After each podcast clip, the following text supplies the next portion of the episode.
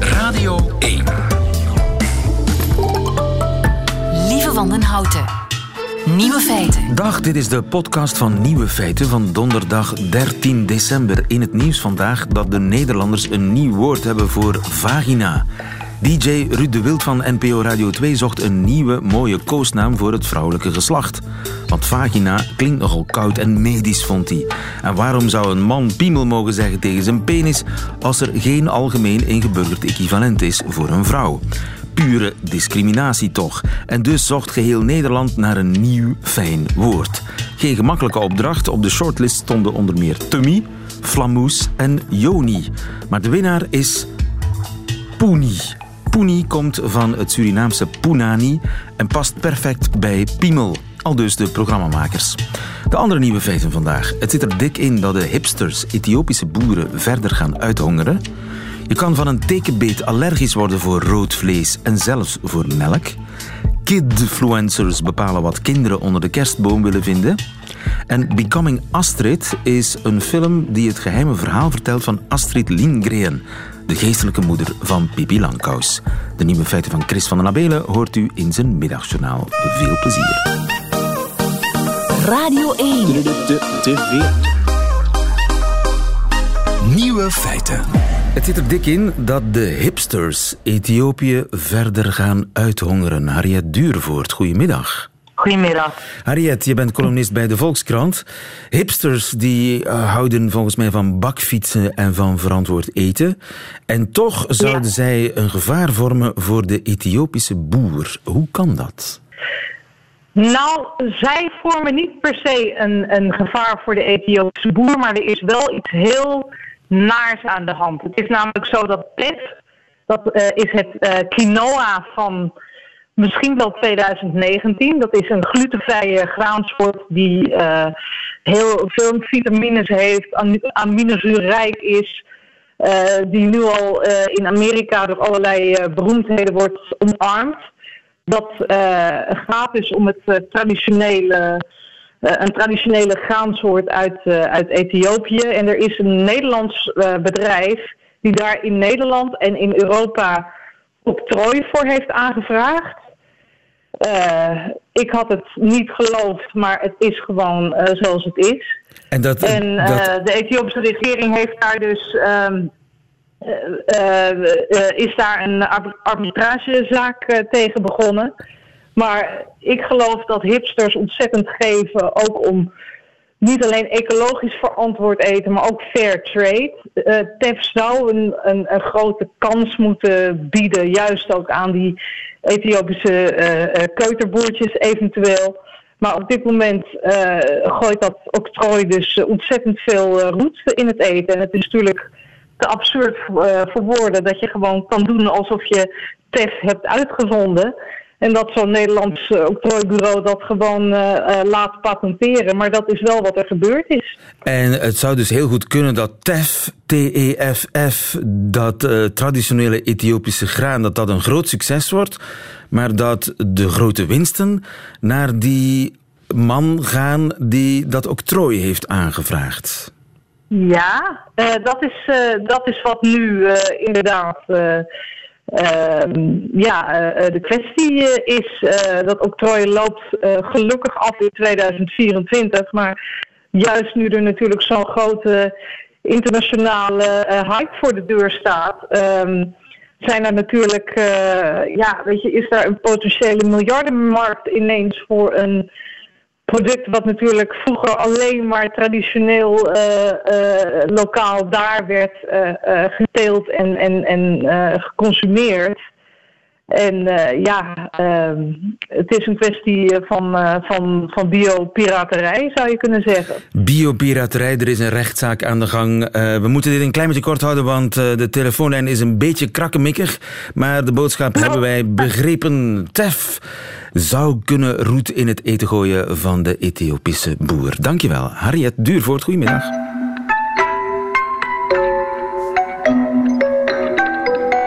Nieuwe feiten.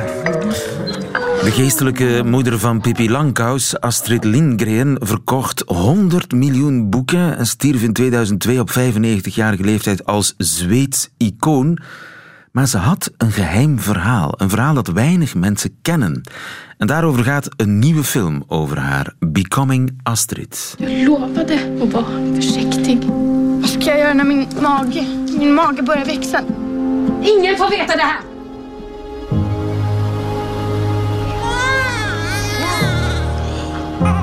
Kom så fort det går. Niemand mag dit weten, schreeuwt Astrids moeder. Volgende week in de bioscoop Becoming Astrid. Goedemiddag, Marit Turnquist.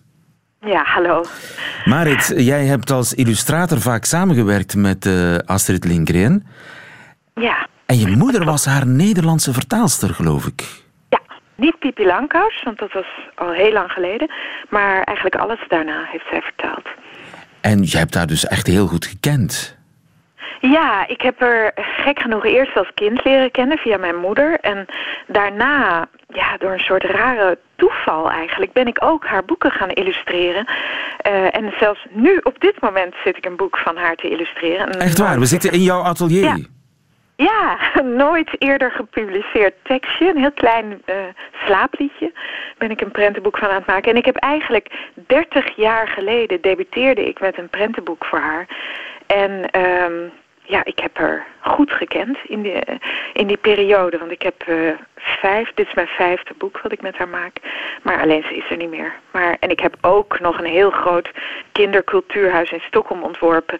Wat ook op haar boeken gebaseerd is. Dus ik heb veel met haar te maken gehad. Zeg, wat mocht niemand weten, zo gezegd, over Astrid Lindgren?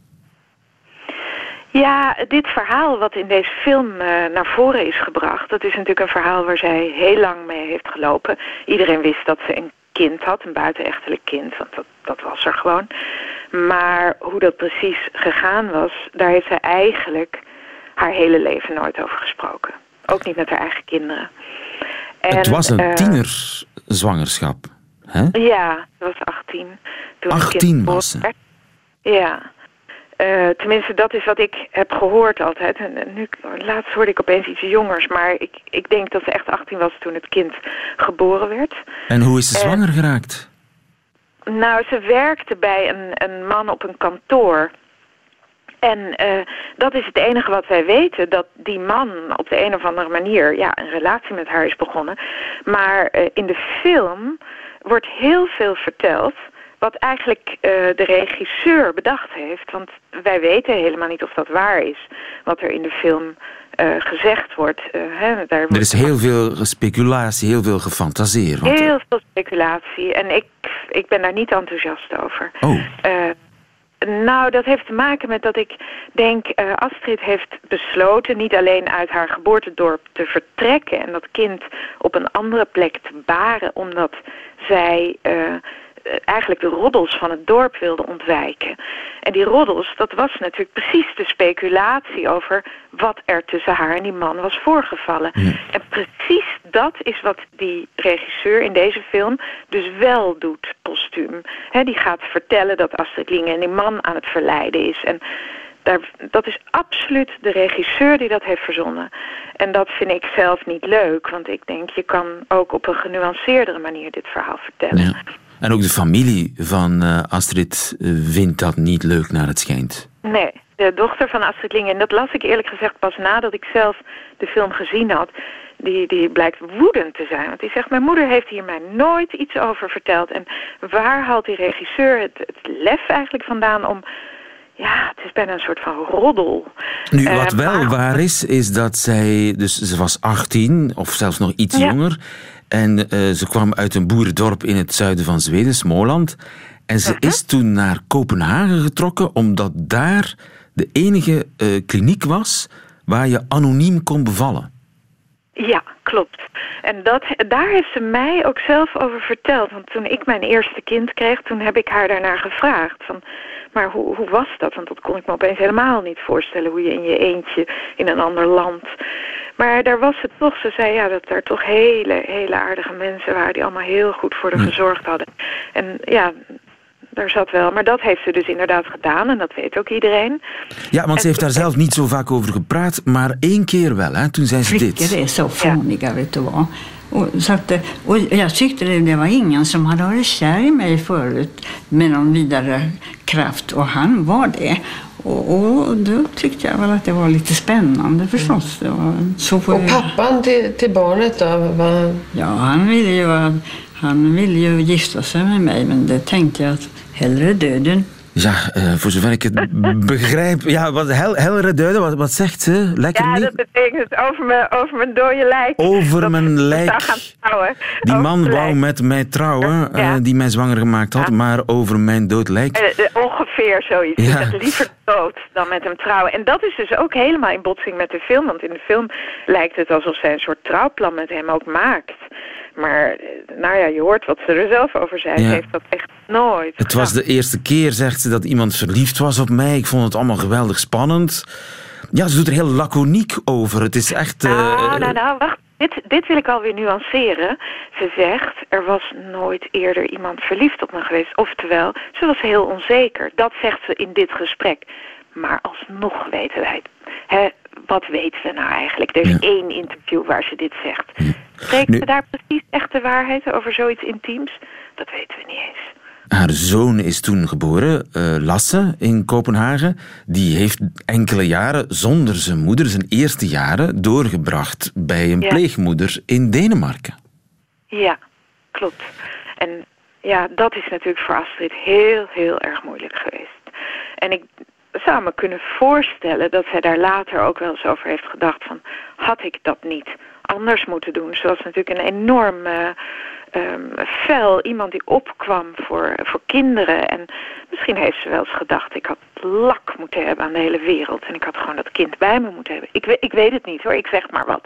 Maar het is meer dat ik... eh, ik weet wel dat ze dit ja, dit is een thema geworden in heel veel van haar boeken. Kinderen die achtergelaten zijn. die Ja, en ook Pippi Langkous heeft geen ouders, hè, dacht ik. Meen ik mij te herinneren? Ja, klopt. Maar er zijn andere boeken nog veel duidelijker. Er is een boek dat heet Rasmus en het landloper. Een heel mooi boek. En dat gaat over een jongetje in een kinderthuis... die alleen maar aan het wachten is tot iemand hem komt halen. Nou ja, dat is natuurlijk heel duidelijk in de sporen van deze Dus gebeurtenis. de invloed van dit eh, verborgen verhaal is wel heel erg groot op haar werk. Ik denk het wel. Maar wat ik ook jammer vind van de film... dat is dat er natuurlijk andere dingen... Ze heeft een ongelooflijk goede jeugd gehad daarvoor. En eh, ze heeft daarna zich enorm... is ze politiek betrokken geraakt bij ik weet niet wat allemaal. Wat ook heel veel invloed op haar boeken heeft gehad. Hè, Gebroeders Leeuwenhard, ik heb het gevoel dat dat vooral verwijst naar de, naar de Tweede Wereldoorlog, eh, die ze nauw volgde. Dus ja, het is, het, het is erg eh, een beetje benepen, deze film, om alleen maar dit stukje te pakken. Ja, het is een uit beetje sensationeel, maar misschien moeten we gewoon haar boeken nog eens herlezen. Of dat nieuwe boek dat jij aan het illustreren bent, hoe heet dat? Dat gaat heten Alles gaat slapen, want nu is het nacht. Alles gaat slapen, want nu is het nacht. Prachtig. Wanneer komt dat? In, eh, ik denk in mei in Nederland en tegelijkertijd ook in Zweden. En ook, het komt ook in allerlei andere landen. Dus Oké, weer aan het werk, Marit. Schilder, Ja, teken verder. Dankjewel, Marit Turnquist. Goedemiddag. Nieuwe feiten.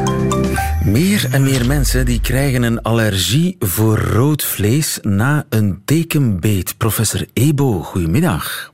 Goedemiddag. Didier Ebo, allergoloog van de Universiteit van Antwerpen. Ik wist dat niet, dat je van een beet, van een teek, allergisch kunt worden voor rood vlees. Weten we dat al lang? Dat weten we nog niet zo lang. De eerste gevallen daaromtrent zijn beschreven in 2007, 2008, tien jaar geleden. En dat verspreidt zich. Er worden meer en meer eh, meldingen gedaan van dat soort allergieën, dat soort tekenbeten. Inderdaad, de eerste meldingen waren in de Verenigde Staten en in Australië. En ondertussen is dat een goed gekend fenomeen, zowel in de Verenigde Staten, Australië, maar ook in Europa. Dus je hebt een tekenbeet, al dan niet weet je dat, dat je een tekenbeet hebt, en dan plotseling blijkt dat je allergisch wordt voor rood vlees. Hoe blijkt dat? Wel, om te beginnen moeten we zeggen dat niet iedereen die een tekenbeet oploopt, dat hij een allergie gaat ontwikkelen ten ten opzichte van rood vlees, zoogdierenvlees. Uh, dus het gaat niet over gevogelte, het gaat niet over vis en zo, het gaat dus over zoogdieren, niet primaten.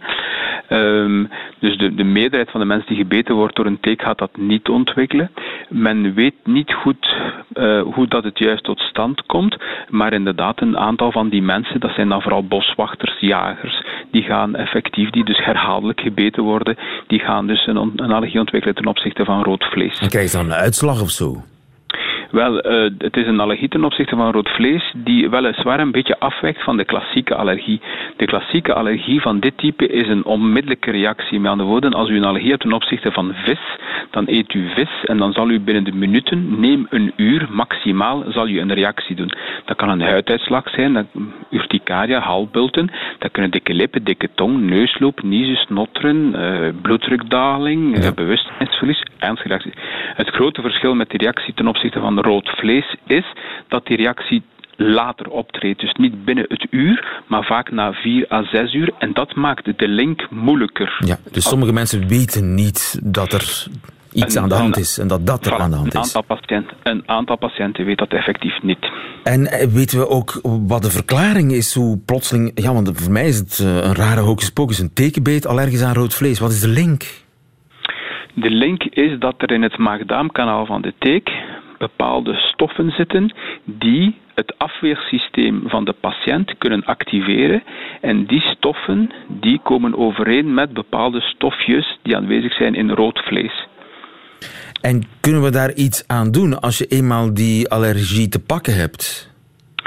Wel, in, ook in die zin uh, wijkt dit af van de klassieke allergie, de meeste klassieke voedselallergieën. Als ik bijvoorbeeld spreek over pinda, over vis, uh, zijn levenslange allergieën, met uitzondering van een paar allergieën bij kinderen. Maar bij volwassenen zijn de voedselallergieën doorgaans levenslang. Wel, er is nu evidentie om aan te nemen dat is als een bepaald persoon met zo'n rood vleesallergie te gevolg van tekenbeten een paar jaar niet gebeten wordt door teken, dat blijkbaar die vleesallergie afneemt. Maar, ik heb het u gezegd, de eerste gevallen zijn beschreven in 2007, 2008. We hebben nog geen levenslange follow-up. Ja, het is nog allemaal pril en ook de wetenschap tast nog min of meer in het duister. Zoogdieren, alles wat van zoogdieren komt, word je allergisch voor. Mm-hmm. Ook melk. Uh, inderdaad, um, niet allemaal, maar een deel van die patiënten zullen uh, ook melkproblemen hebben. Om te beginnen is het zo dat niet alle vleessoorten dezelfde problemen opleveren. Dus bijvoorbeeld die mensen gaan vooral reageren ten opzichte van uh, orgaanvlees, niertjes, lever, hè, al veel minder ten opzichte van een busstuk, dus, dus ten opzichte van spierweefsel. Een deel van die mensen gaan jammer genoeg ook reacties vertonen ten opzichte van melk.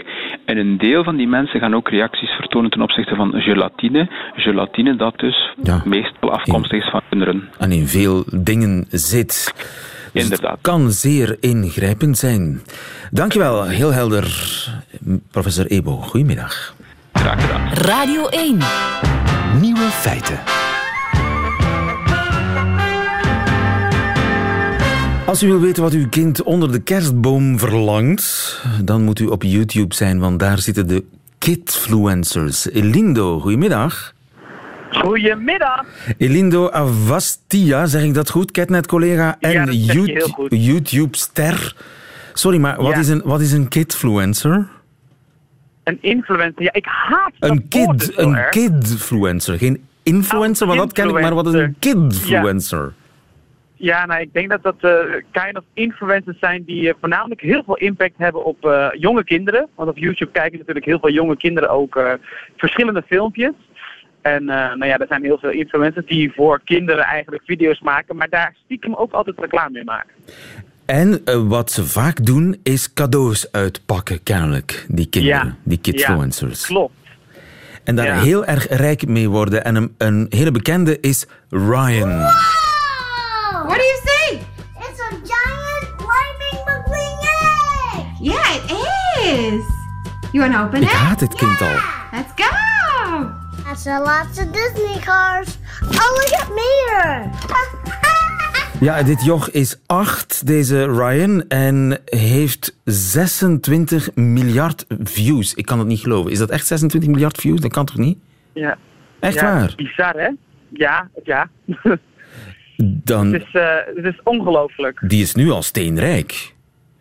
Ja, die, ik denk, veronderstel dat zo'n kanaal voornamelijk door zijn ouders wordt beheerd. Maar ik denk dat die inderdaad al wel miljoenen dollars aan het binnenharken zijn met eh, de video's die hij maakt. En dit is eigenlijk verkapte reclame. Ja, nou ja, wat natuurlijk. was de meeste van die producten die hij krijgt zijn of gewoon gesponsord, of vaak misschien zelfs eh, zijn die video's betaald door een bepaald speelgoedbedrijf die heel graag willen dat een bepaald product in de markt gezet wordt en ja, gekocht gaat worden door kinderen die naar, die naar zijn eh, YouTube-video's kijken. En eh, nou ja, zo verdient eh, dit mannetje eigenlijk zijn geld. Of zijn ouders. Nu, hoe wordt mijn kind kidfluencer? Hoe doe ik dat? Hoe begin ik daaraan? Nou ja, ik denk dat het allerbelangrijkste altijd is dat je. Ja, ik vind dat zo stom, maar je moet, je moet eigenlijk geen per se een kindfluencer. De, de reden waarom je het wil worden is omdat je het heel veel leuk vindt om video's te maken.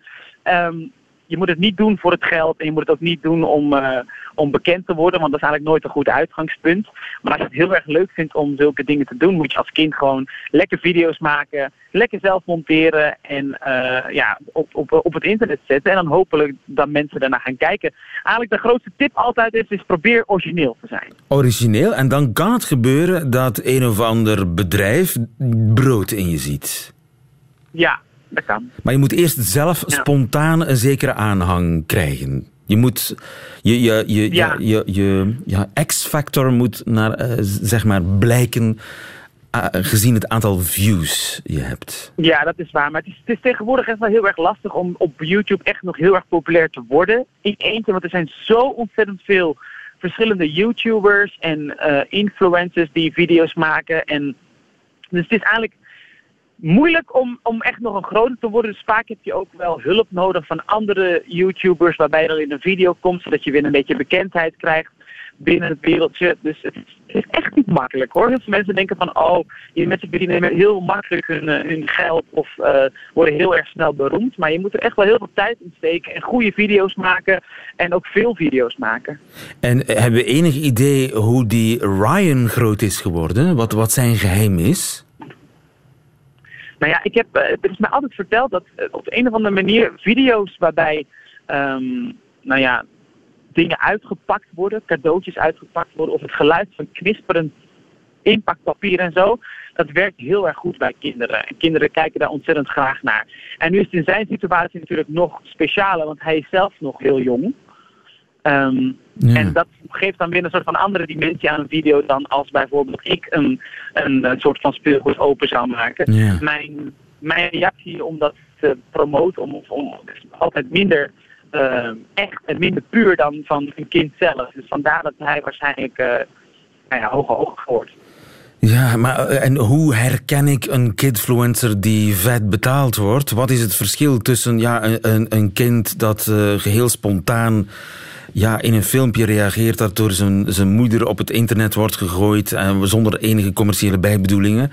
Hoe, hoe kan ik dat uh, herkennen dat het, een, een echt, dat het halve reclame is of, of verkapte reclame is? Nou ja, je, eigenlijk dat moment dat het, nou, al over miljoenen of miljarden views gaat, dan uh, kun je eigenlijk al wel bijna zeker weten dat de bedrijven mee in het spel zitten, dat de bedrijven mee ingesprongen zijn. Misschien ook marketingbedrijven zijn die die video's zo goed in de YouTube-etalage zetten dat die ook gewoon heel vaak bekeken gaat worden. Um, het, meestal is het ook een beetje in de kwaliteit van een video. Als je ziet dat een video heel goed uitziet, eigenlijk bijna televisiewaardig, moet maar zo te zien.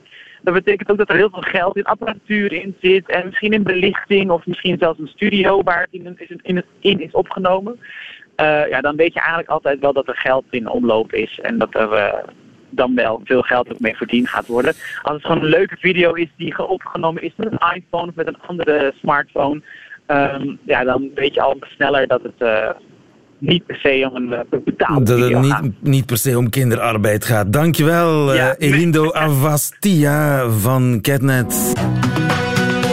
Nieuwe feiten. 13 december, wat zijn de nieuwe feiten van Chris van den Abelen, onze nieuwscollega in zijn middagjournaal. Nieuwe feiten. Middagjournaal. Antwerpen, donderdag 13 december. Beste luisteraar, gisteren mocht ik werken op de VRT tot 10 uur s'avonds.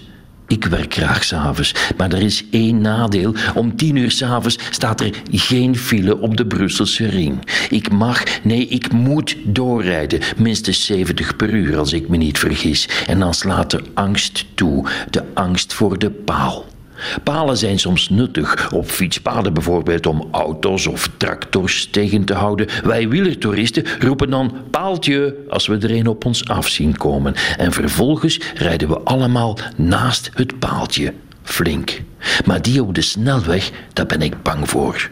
Op de Brusselse ring, vlakbij de VRT richting Leuven, gaat het om oranje verlichte palen met bovenaan een verkeersbord. Wit op blauw met een pijl die zowel naar links als naar rechts wijst. Ik mag dus kiezen. Die paal staat daar om mij te zeggen dat ik alle kanten op mag. Als het maar naar voren is, rechtdoor links of rechtdoor rechts. Kies maar, zegt de paal. En ik kan niet kiezen. Ik speel dwangmatig een soort Russische roulette met de paal. Soms verander ik de laatste 50 meter voor de paal nog van gedacht. Rechts wordt links of omgekeerd. En dan voel ik mij heel even goed. Kijk ik in de achteruitkijkspiegel en prevel. Je staat weer voor paal. Paal. Het probleem is, de volgende werkdag staat die paal er nog en moet ik er opnieuw voorbij. En komt weer de angst. De angst dat de paal het duel op een avond gaat winnen. Vroeger stond er ook een, in Conti, op de E19 richting Antwerpen. Die stond daar ook maar nutteloos paal te wezen en mij uit te dagen. Honderden keren heb ik het duel met haar gewonnen. Links, rechts, maar er nooit op. Hoera! Maar niemand was gelukkiger dan ik die dag toen de paal op de E19 plots was verdwenen. Nu nog die op de Brusselse ringweg krijgen. Ik ga een brief schrijven naar de zes regeringen van dit land.